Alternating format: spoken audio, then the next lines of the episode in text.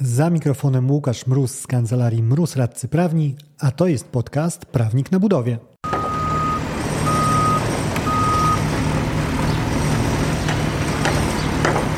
Za przedłużenie terminu realizacji zamówienia wykonawcy nie przysługuje dodatkowe wynagrodzenie. To postanowienie z projektu umowy do wcale niemałego przetargu.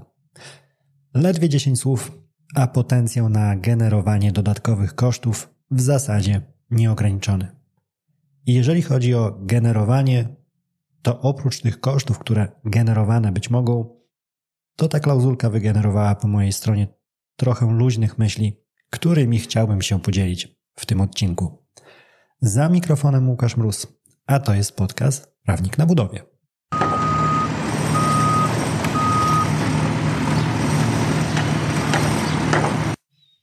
Zanim jednak myśli te popłyną w mikrofon, jedna prośba i jedno ogłoszenie. Prośba, jeżeli słuchasz podcastów w aplikacji, czy to Spotify, czy Apple Podcast, kliknij na szybko swoją ocenę. Pomoże to dotrzeć materiałowi do szerszych kręgów branży budowlanej. A ogłoszenie 28 lutego prowadzę dedykowany wyłącznie wykonawcom webinar poświęcony odstąpieniu z powodu braku uzyskania gwarancji zapłaty wynagrodzenia. Link do rejestracji wrzucę w opisie tego odcinka, a data raz jeszcze 28 lutego o godzinie 18. A teraz już do tematu. Przypominając, postanowienie umowne, które przyciągnęło mnie do mikrofonu. Za przedłużenie terminu realizacji zamówienia wykonawcy nie przysługuje dodatkowe wynagrodzenie. Samo zastosowanie postanowienia nie jest limitowane. I stąd właśnie wynika ten potencjał generowania dodatkowych kosztów właściwie na zasadzie sky is the limit. Nie mamy przewidzenia tych kosztów, tego wydłużenia wyłącznie do okoliczności, za które odpowiada wykonawca. A akurat takie rozwiązanie byłoby w pełni zrozumiałe. Chociaż z drugiej strony podkreślanie go byłoby też zbędne, w końcu gdyby to wykonawca wywołał okoliczności prowadzące do przedłużonej realizacji, nie miałby co liczyć na aneks z prolongatą terminu. Klauzula obejmuje jednak też wydłużenie z przyczyn niezależnych od obu stron, obiektywnych, co można jeszcze bronić, a nawet tych leżących po stronie samego zamawiającego, co także można bronić, ale tylko dzięki temu, że papier przyjmie wszystko, jeżeli chcemy argumentować przed sądem czy przed KIO, któż nam zabroni wpisać także coś takiego, niezależnie od sensowności, obiektywnie patrząc. I szczerze mówiąc, nie jestem tą sytuacją jakoś poruszony. I nie chodzi o to, że nie mam problemu z rozwiązaniami, które rażąco naruszają elementarną przyzwoitość, a do takich bym zaliczył właśnie tą klauzulkę.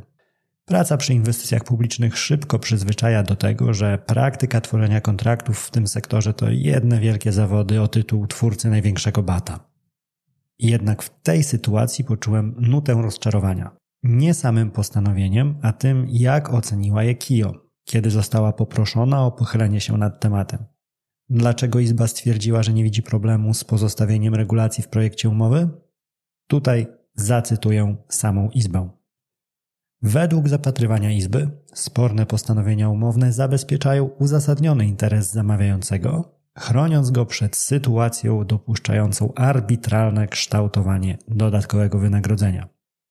W ocenie KIO mamy więc do czynienia nawet nie z przypadkiem, rzeczywiście nie jest to zbyt w porządku, ale w końcu zamawiający może ukształtować kontrakt tak, jak mu pasuje, co z przyklaśnięciem spornej klauzuli jako takiej umocnionej linii broniącej zamawiającego przed niecnymi szarżami dopłatowymi wykonawcy.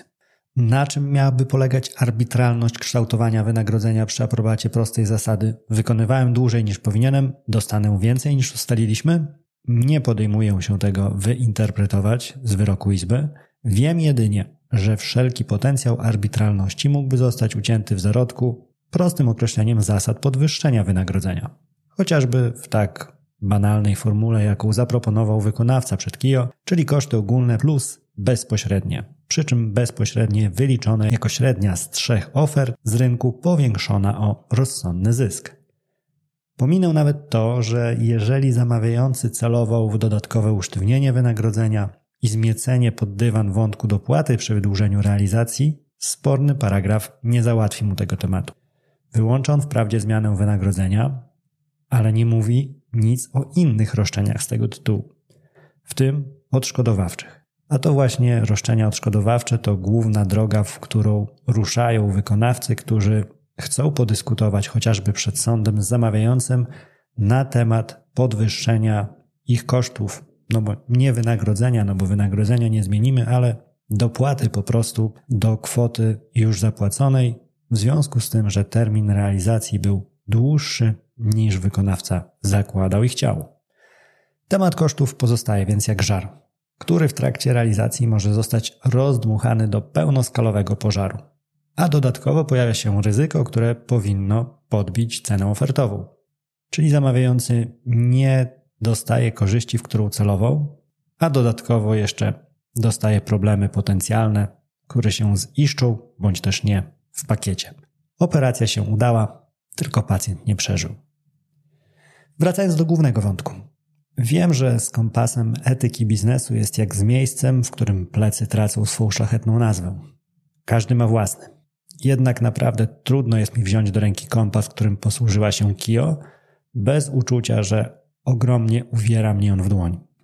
Okej, okay, ponarzekałem już sobie przez kilka minut. Czas na konkluzję, konkluzję smutniejszą niż sama sytuacja. Ponieważ Kio nie zgodziła się na wyrugowanie rozwiązania z umowy, ostatecznie wykonawcy akceptując te realia złożą oferty, zgłaszając tym samym chęć gry na zakreślonych przez zamawiającego zasadach. Któryś z tych wykonawców podpisze się w wykropkowanym miejscu na końcu umowy i ruszy do realizacji. Być może problem kosztów wydłużenia stanie się problemem na koncie bankowym, a nie tylko na papierze. A być może do tego nie dojdzie.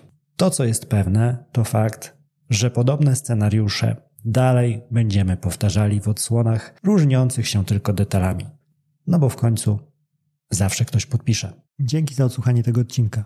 Jeżeli chcesz się ze mną skontaktować, możesz napisać na biuro małpa kancelariamroz.pl albo zadzwonić na 577 665 077. Znajdziesz mnie też w mediach społecznościowych na LinkedIn jako Łukasz Mróz, a na TikToku, Facebooku i Instagramie jako Prawnik na Budowie.